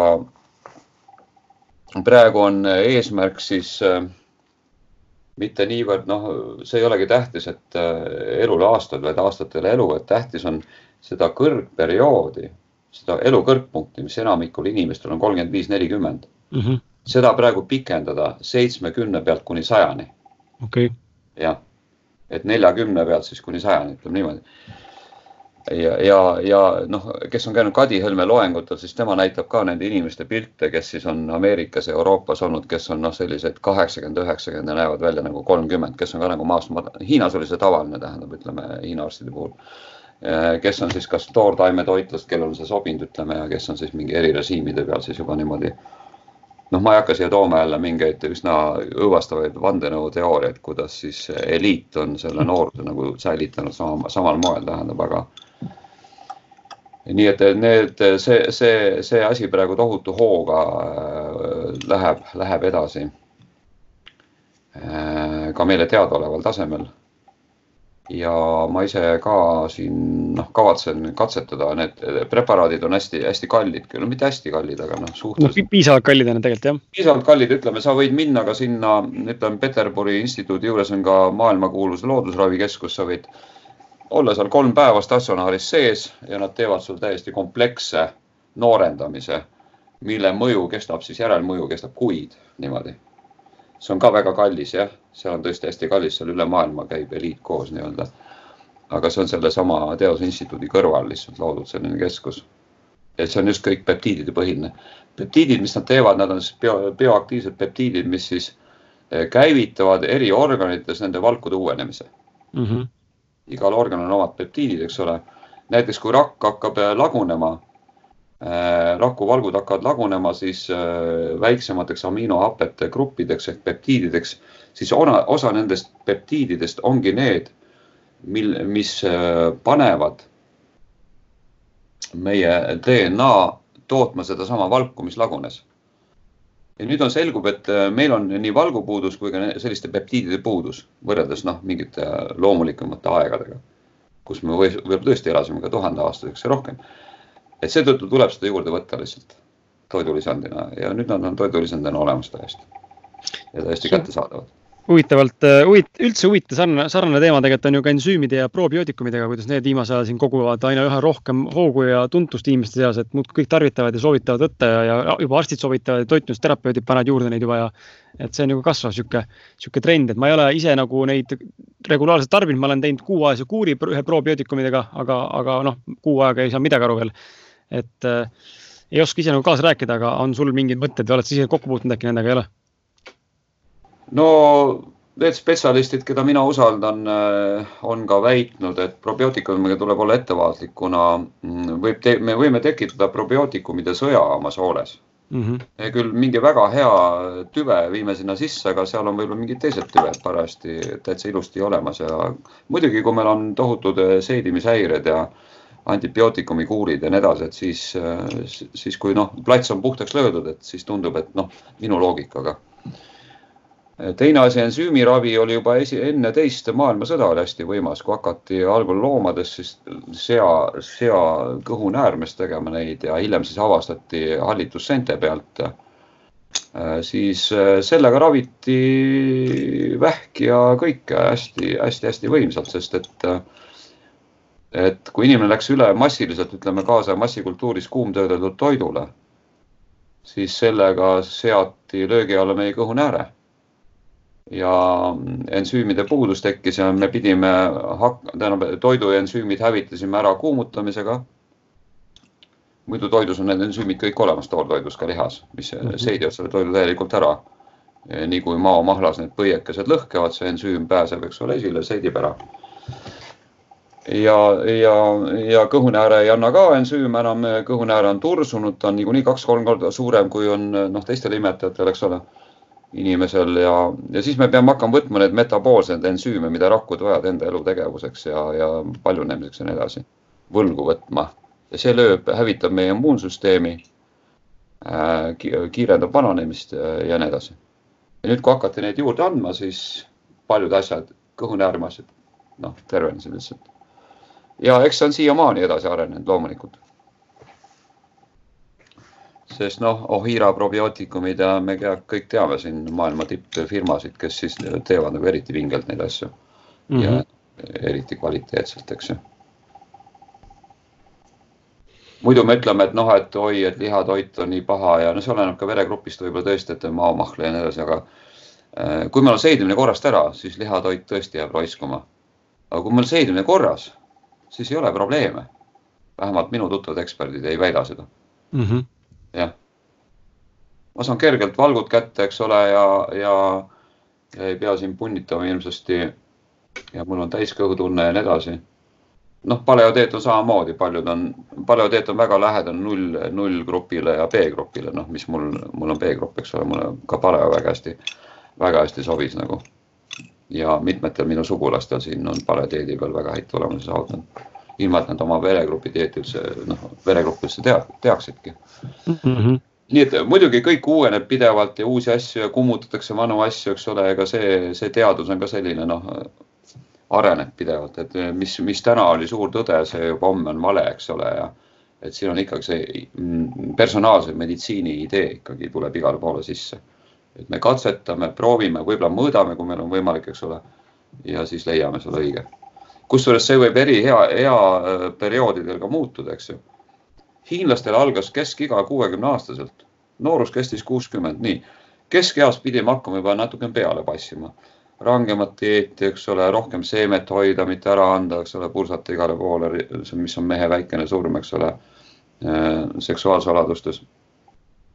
Äh, ja muid asju. Et äh, aga, aga nooremast peast, noh, energiat on palju, eks ole. muidugi nemad alustasid maast madalast oma tsiigunni ja seksuaalsaladuste ja muu sellisega ja seetõttu noh, saavutasid tohutu tervise ja, ja, ja ka noorusliku väljanägemise olemise, eks ole, terveks eluks kõik need zen-meistrid ju, neid oli väga palju, kes olid rahulikult üle saja ja rohkem seal elasid mm.. kuigi noh, ametlikult kõige vanem inimene on, sa tead, kes jah? Kes on patenteeritud tõesti. kusjuures ei teagi. no see on doktor Lee, eks ole, on Tiibetis sündinud siis üks hiinlane. mis sa arvad, kui vanaks ta elas? ta suri tuhat üheksasada kolmkümmend kolm mul on, kui see nüüd on sama mees, keda Jüri Lina enda raamatus äh, Varjatud tervisevalem mainis, ma ei mäleta, et ühte meest ta mainis seal, kus on dokumenteeritud kellegi surm, see oli äkki kakssada viiskümmend seitse või? just, kakssada viiskümmend kuus, jah, täpselt nii mm. -hmm siis ma mäletan jah, mis tegelikult kõlab, see kõlab nagu müstilisena, aga kui ma seda lugesin, siis ma nagu sain aru, et tegelikult see on nagu realist-, noh, see on tegelikult võimalik. võib-olla mitte kõigi puhul, aga, aga et jah, no praegu öeldakse, et isegi praegu on inimene, siin tehti mm, mingi katse hästi puhtas keskkonnas, vist aasta aega elas mingi grupp siis kuskil USA-s ja siis ekstrapoleeriti, et kui nii edasi läheks, et siis eh, minu meelest oli sada kuuskümmend aastat, kui nad elaksid sealsamas puhtas keskkonnas. No see oli steril-, noh, haruldane keskkond, seda ei ole nagu eriti kuskil, aga no mägilased, mägilaste puhul ka isegi täna veel sada kakskümmend, sada nelikümmend aastat on üsna tavaline ja, ja Hunza rahvas, kes on kõige pikema elueaga rahvus siis maailmas, on keskmine eluiga on sada kümme. Mhm. see on valge rass, see on Pakistanis mägilased. ütleme Okinawa saartel siis, ma käisin ka Okinaval, siis oli üks saar, kus siis keskmine eluiga on kuskil sihuke üheksakümmend viis kuni sada ja teistes on siis natukene vähem, eks ole noh, nad on hästi loodusliku eluviisiga võimalik, et, et ka see Sango korall, mis seal on, et see korallivesi nagu on ka niimoodi hästi, mida nad seal joovad ämbrite kaupa, eks ole, et nagu aitab kaasa sellele. ja, ja, ja noh, siin vahepeal uuriti ka surnud arstid oli üks raamat siin, siis seal oli ka noh, siuksed saja seitsmekümnese, saja üheksakümne aastase ja neid ikka leiti siit sealt enam-vähem, et ja üks lugu räägib seda, et äh, kui see vale Peeter Esimene tuli tagasi Venemaale, siis seal tapeti ära kõik äh, üle kolmesaja aastased vannurid. toodi sisse teraviljad, toodi sisse alkohol, eks ole, kartul ja hävitati amarant näiteks. no see on üks Veeda pärimuse niisugune vandenõuvärk jälle, et noh. Et isegi jah, seal kaheksateistkümnenda sajandi alguses oli üle kolmesaja aastaseid Venemaal mm. -hmm. jah ja tol ajal olid ka isegi fotosid on tehtud nendest kahe ja poole ja kolmemeetristest äh, rassidest siis, kes elasid, aitasid selle ehitada ja fotod on isegi olemas nendest täiesti. nii et nad võisid elada, millal see fotograafia tekkis, üheksateist sajand, eks ole. Kus nad olid siis seal sõjaväes ja kus nad olid seal siin ja seal, noh, nüüd leitakse neid luukeresid igalt poolt, aga, aga seal on nagu elavad inimesed fotodel. ja siis nad hiljem nagu kuidagi hääbusid või kadusid ära, aga noh seal nad elasid nagu koos äh, meie rassiga mm -hmm.. noh, kasutati ära nende erivõimed, eks ole, ja, ja nad olid rahul ilmselt siis. miks ehitati näiteks tollased paleed nii kõrgete lagedega, mingi viiemeetrised laed, eks ole no,. nii suure kasvuga olendid olid, sellepärast. Mitte ainult sellepärast, et nii uhke oleks kõik. Mm -hmm.. noh. Et see on õudselt põnev valdkond, see tegelik ajalugu. Mitte see, mida meile kooli koolis, koolis õpetatakse ja, ja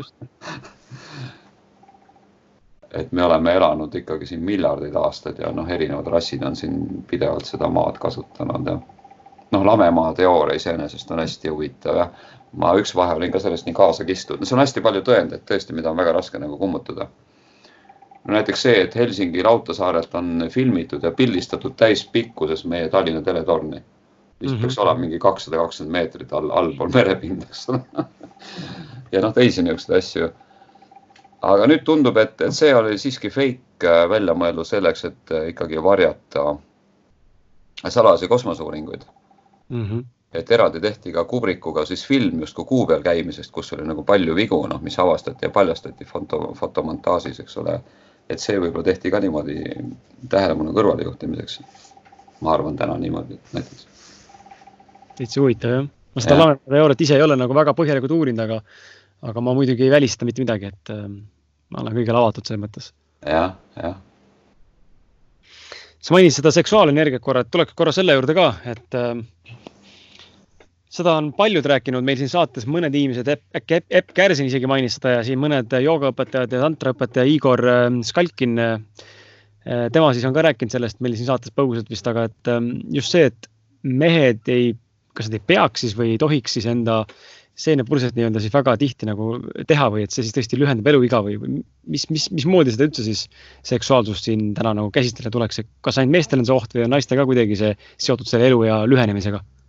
Hiina meditsiini järgi see oleneb nüüd äh, meie äh, vanusest mm. -hmm.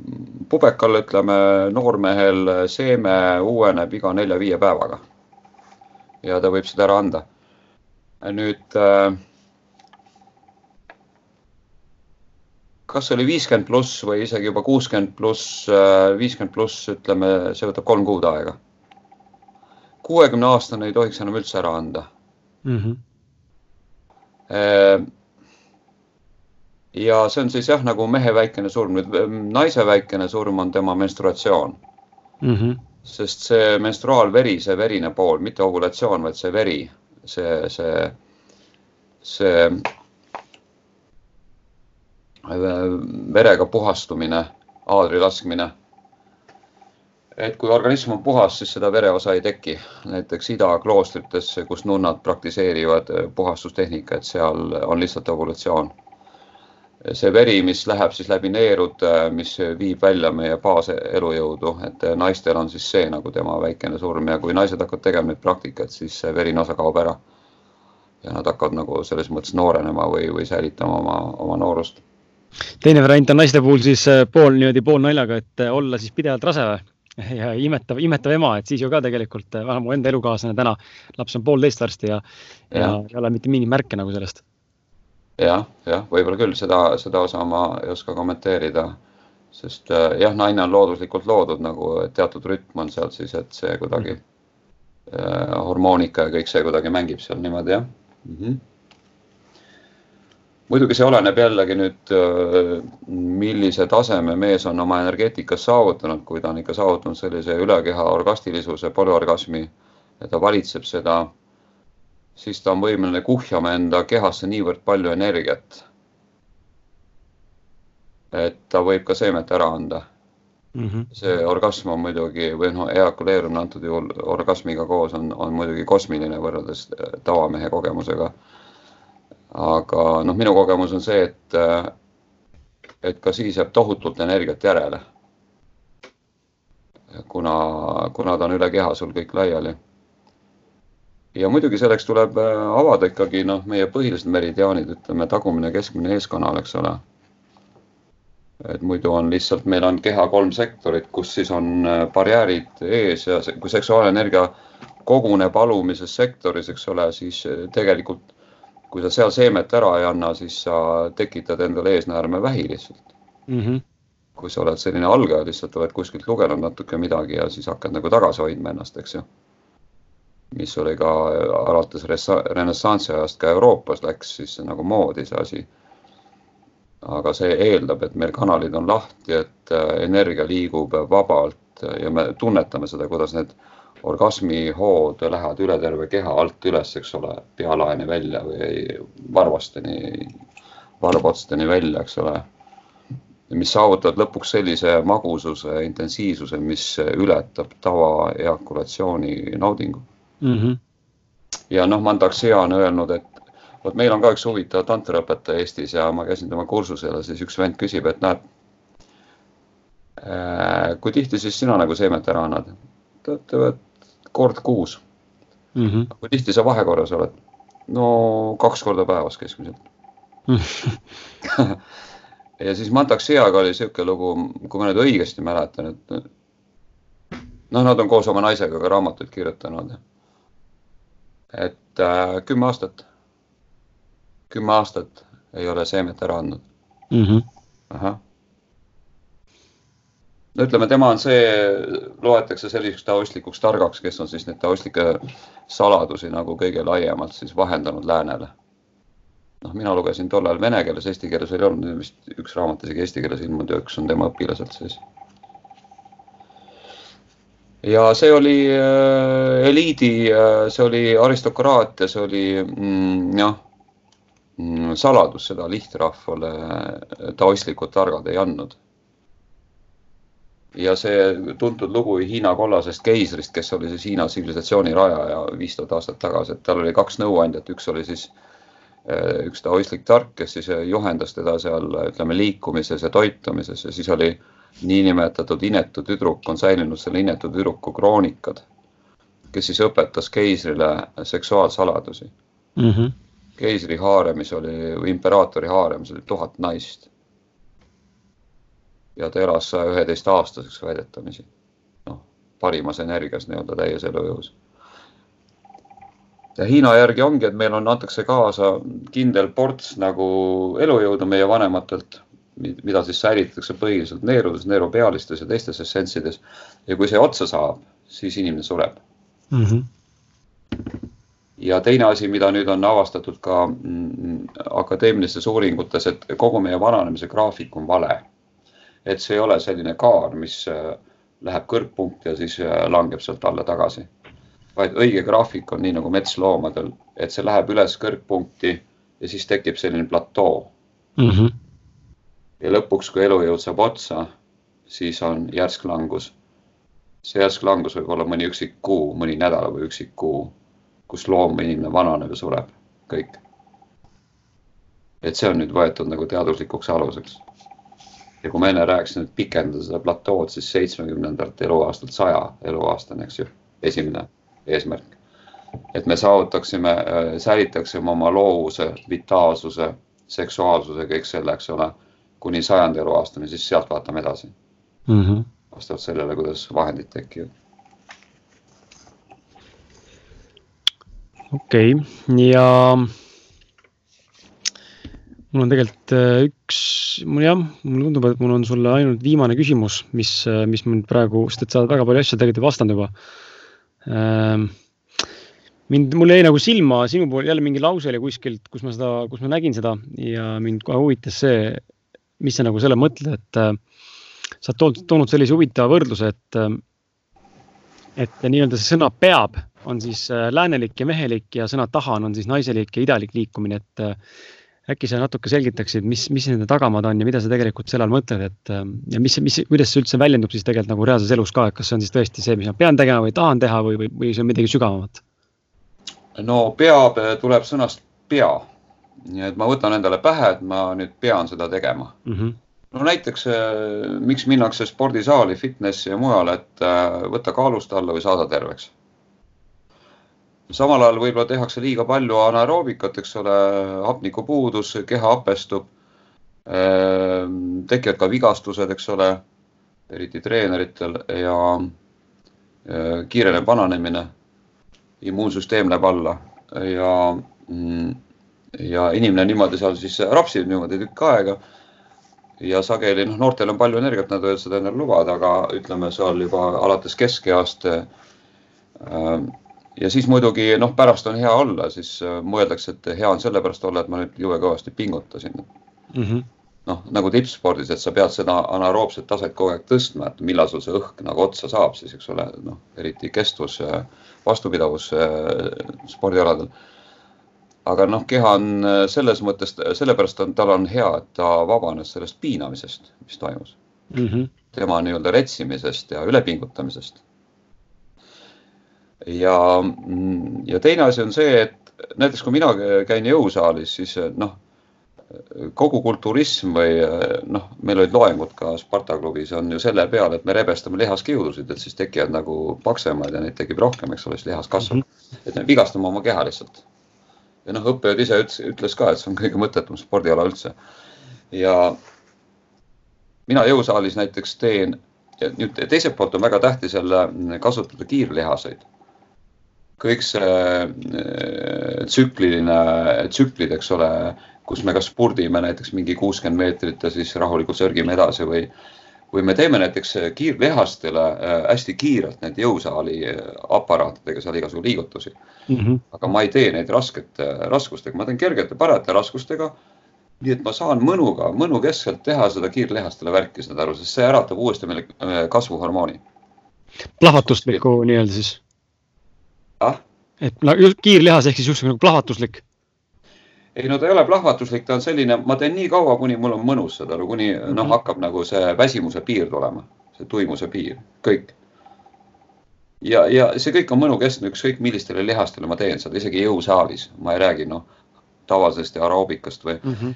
nüüd teine omaette ooper on nüüd hoidmisharjutused, mis tunduvad, et jube rasked. No näiteks ma, ma teen käte kõverdamist kiirlihastel seal paarkümmend korda, eks ju mm. -hmm. ja siis teen sellise aeglase surumise, mis kestab minut aega mm, -hmm. mis on aeglastele lihastele, mitte keskmistele, vaid aeglastele. eks ju. ja keha läheb kuumaks, sest lihas ei saa vahepeal lõdvestuda, eks ole, siis ta paneb energiat käima, keha läheb üleni kuumaks, eks ole. ja Qigunis ja ütleme Kundalini joogas ja on hästi palju selliseid harjutusi, mis panevad energiat lihtsalt käima. kasvõi see puuharjutus, et sa mingi kolm tundi seisad mingis asendis seal, eks ole ja, ja seal ei ole küsimus selles, et ma nüüd kohutavalt väsitan ennast, vaid see, see on energeetiline harjutus ka see käte kõverdamine ei ole mitte mingi selline füüsiline, et oi-oi-oi-oi, et, et nüüd, vaid, vaid see on energeetiline harjutus, see paneb ja, ja, ja siis on seda ka kuidagi omal moel mõnus teha. see on teistmoodi asi. nii et äh, ütleme, on aeroobika, on jõuharjutused, on hoidmisharjutused, siis on veel enesemassaažid, mõnikord me teeme grupimassaaže ja mis tähendab aeroobika, need on siis igasugused painutused, viibutused, noh, dünaamilised asjad, eks ju mm. -hmm. ja ringutused ja noh, vaata üks põhilisi harjutusi ongi, mis on hästi naiselik ja mõnus, mida me niikuinii teeme ja loomad kõik teevad hommikuti, on ringutamine mm. -hmm. ja nüüd on siis leiutatud see mm, vastupingega venitus. ma käisin ka seal trennides, mis taastab täielikult meie sidekoe kui meil on olnud rasked traumad, näiteks seal on tekkinud armistumised, eks ole, surnud tuimad kohad, eks ole, külmunud õlg, eks ole, seal ühe seansiga kõik, käsi läheb liikuma, kõik. sest need sidekoe kõõlused lähevad igalt poolt, eest, tagant, külje pealt spiraalselt, eks ole, kollageenist, eks ole, elastiin, kollageen. ja me lihtsalt äh, taastame need just sellega ja see on ka nagu tegelikult ringutusharjutused, kus me ka surume läbi vastu jõu, eks ole mm -hmm.. Qigunis on paljud asjad, eks ole. siin me võtame lihtsalt teine käsi hoiab vastu, eks ole. ja nüüd me ei pinguta üle, sest et kui me teeme, miks joogas paljud ennast äh, vigastavad, hata joogas, nad ei hoia vastu. Nad lähevad põks, plõks üle ja ongi rebestus ja ongi mingi vigastus juba, eks ole. muidugi organism ise püüab vastu hoida kui sa mm -hmm. hakkad liiga palju painutama, sealt hakkab nagu vastu suruma. aga siin sa teadlikult hoiad vastu. ja siin sa kunagi ei rebesta ega ei vigasta ennast. Nii et äh, siin on, äh, ma olen äh, nagu selles mõttes alati avatud mingitele uutele printsiipidele, mille peale saab ehitada uusi harjutusi, mis on just nimelt sellised äh, naiselikud, idalikud ja hästi tervislikud, nagu isegi siis, kui nad tunduvad algul, algul nagu rasked mm. -hmm ja ma ei lähe niimoodi sporti tegema, et ma tulen tagasi, mind ajab öökima, saad aru, mul on, on õõnes kõik, saad aru, mul ei ole õhku olnud, eks ole, ma olen üle pingutanud igatepidi, mul pea valutab, eks ole, ma ei tea, mis kõik veel. Aga paljud ja. inimesed täpselt seda teevad. ja jah, et ongi just. ja nad ei tee seda kaua loomulikult, sest see on niivõrd ebameeldiv mm. -hmm. ja siis ongi, ei taha. kurat, ma tahan, sest see on nii mõnus mm. -hmm. see annab terveks päevaks selline, ta annab ka meeleerksuse, ta annab mõtteerksuse, eks ole et ma tõesti olen võimeline minema tundmatusse oma mõttega, et ma ei mõtle ainult teadaolevas, vaid, vaid noh, ma, ma mõtlen ka loovalt, eks ole, minu -hmm. intellekt on käivitunud mitte ainult mentaalsus, mitte ainult ratsionaalloogika, vaid ka minu intellektuaalne intuitsioon on käivitunud, ma olen loov, eks ole mm. -hmm. ja see on eriti tähtis äh, loovatele inimestele, et nende noh, eneseteostus ja kõik see, ükskõik mis valdkonnas nad siis oma loovust ka, kus nende kutsumus on on see siis teaduses või kuskil juhtimises või nii edasi. ja muide, paljud tippjuhid ja tippsportlased ja teadlased ja kes teavad seda meetodit, mida seal Austrias uuriti, nad kasutavad seda. Nad saavutavad selle limitless'i sellega mm. -hmm. Mm -hmm. väga huvitav mul ei olegi sul rohkem äh, küsimusi, kas sul on endal äkki midagi, midagi sellist äh, südamel või mis sa nagu tahaksid öelda, mis hetkel jäi ütlemata või mida ma ei osanud küsida, mida sooviksid meile kuulajatele edastada? sinu lõpusõnad nii-öelda. praegu me elame minu meelest ajas, mis sunnib meid äh, leidma mingeid uusi väärtusi. mul on kaks teemat, mida ma pean praegu oluliseks mm. -hmm. üks on klassikaline Patanjali jooga mis on minu jaoks erinevatest müstitsismidest hetkel kõige atraktiivsem, kõige lihtsam, ma tegin sellest ühe podcast'i. Mm, et me õpime ennast kõrvalt vaatama ja mitte samastuma oma meeleliigutustega, mis siis tekitab kannatust. ja teine on surmauuringud, eeskätt Michael Newton, sellest on ka esimene osa tehtud mul. et me saame teada, mis siis juhtub meiega peale surma. et surmahirm maha võtta. ühelt poolt see eluhirm ja teiselt poolt see surmahirm et me teame, mis põhjustab kannatust ja me näeme, hakkame seda kõrvalt nägema, hakkame seda vältima lihtsalt. või siis kasutame bhakti joogalikku sellist äh, palvet lihtsalt, mis on veel, veel lihtsam ja mis on ka Patanjali joogast kõrgemaste seotud meie kroonšakraga, kus on see Jumala Ishvara siis andunud pühendumine Jumala Ishvarale ja sealt tuleb nüüd see Jumala armu osa, meil on karma osa, mille me peame nagu ära läbi tegema. noh, karmavõlad igasugused, mis me oleme -hmm. seal aga jumala arm on nüüd see, mis annab nagu pealekauba, mis ei arvesta meie karmaga. ja selle eelduseks on see, et me oleme ehedad, et me oleme siirad, et me oleme puhtasüdamelised. see on ka Jeesuse mäe jutluses on üks selline ja jooga ütleb ka, ütleme, kriia, Babasi kriiaga ütleb, et kui üldse miski omab väärtust, siis see on meie siirus. ja esimene asi, mida me võiksime õppida selles elus, eriti praegu, see on ehedus. see on ehedus eeskätt meie tunnetes et me mingeid teisi, teiste tundeid ei anna siin edasi, mida me oleme üle võtnud kuskilt, vaid et me avaneme, seda nimetatakse enese avamiseks, jah mm. -hmm. see on gestaltpsühholoogia, gestaltteraapia eesmärk, et me saaks, saaksime ehedaks uuesti. ja enese avamine on alati inimesele endale väga puhastav ja kõigile teistele, kellele see nagu ilmutub. ja teine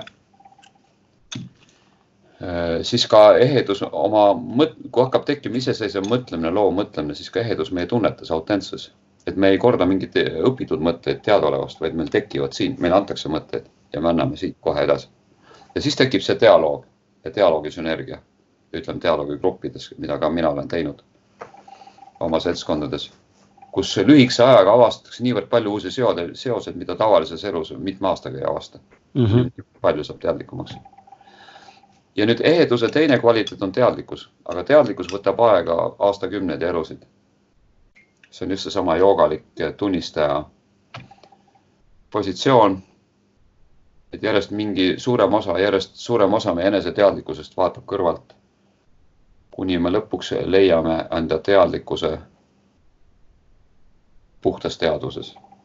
et see on nagu puhas peegel kogu aeg meil taga, me siin ees mängime oma mänge, taga on puhas peegel, me näeme ennast kogu aeg mm. -hmm. nüüd me saame peale passida, et me ei libastuks kuskile kannatuse teele et me ei teeks mingeid eetilisi prohmakaid, mis annavad meile, toodame karmat, eks ole, mis tulevad kas meie, meie laste või lähedaste peale, millest Lazarev väga põhjalikult. nii et ehedus, autentsus, tunnetus kõigepealt, see on nii lihtne.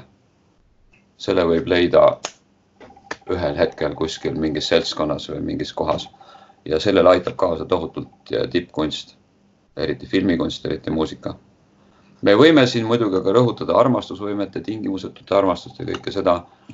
aga enne armastust on alati ehedus ja, ja ilu mm. -hmm.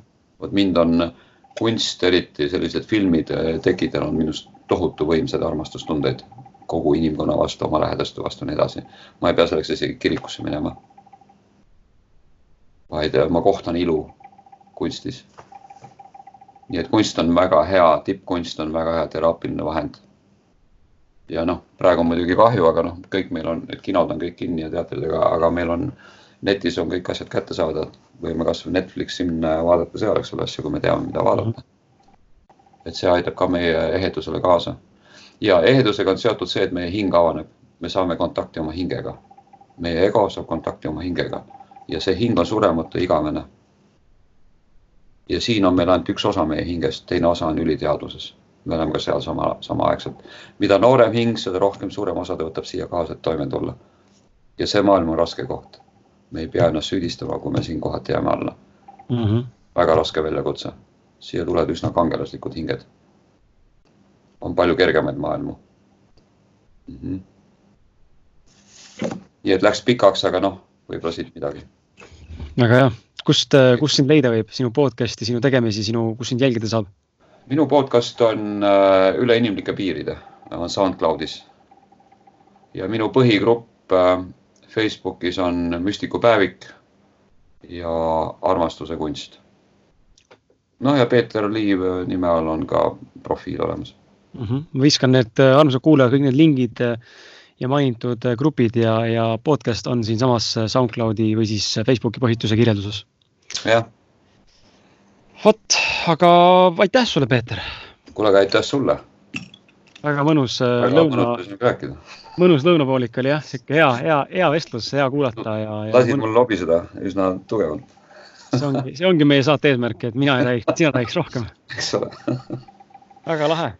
aga aitäh, aitäh ka kuulajatele, ma loodan, et, et tekkis äh, põkkumisi ja mõtteid ja edasiminekuid mm. -hmm. ja ja sulle, armas kuulaja, ikka samasugune palve nagu alati, et kui see saade sulle meeldis ja sa said siit midagi väärtuslikku enda jaoks, mis sind kõnetas ja sulle sümboolne tundus, siis ole hea, tee, tee mulle ja Peetrile teene ja jaga seda mõne oma sõbraga, et siis jõuab see sõnum edasi rohkemate inimesteni ja seeläbi ka meie külaliste ja, ja ütleme siis ka meie saate eh, eesmärk jõuab siis eh, rohkemate kuulajateni, vot. aga aitäh sulle ja aitäh teile kuulamise, kuulamiste eest ja kuulajate eest ja ja, ja kohtume juba järgmises äh, saates, mis on järgmisel reedel, kui mitte varem. ja sinuga, Peeter, kohtume siis, kui uuesti kohtuma peame mm. -hmm. ilusat jätku kõigile. ja, tšau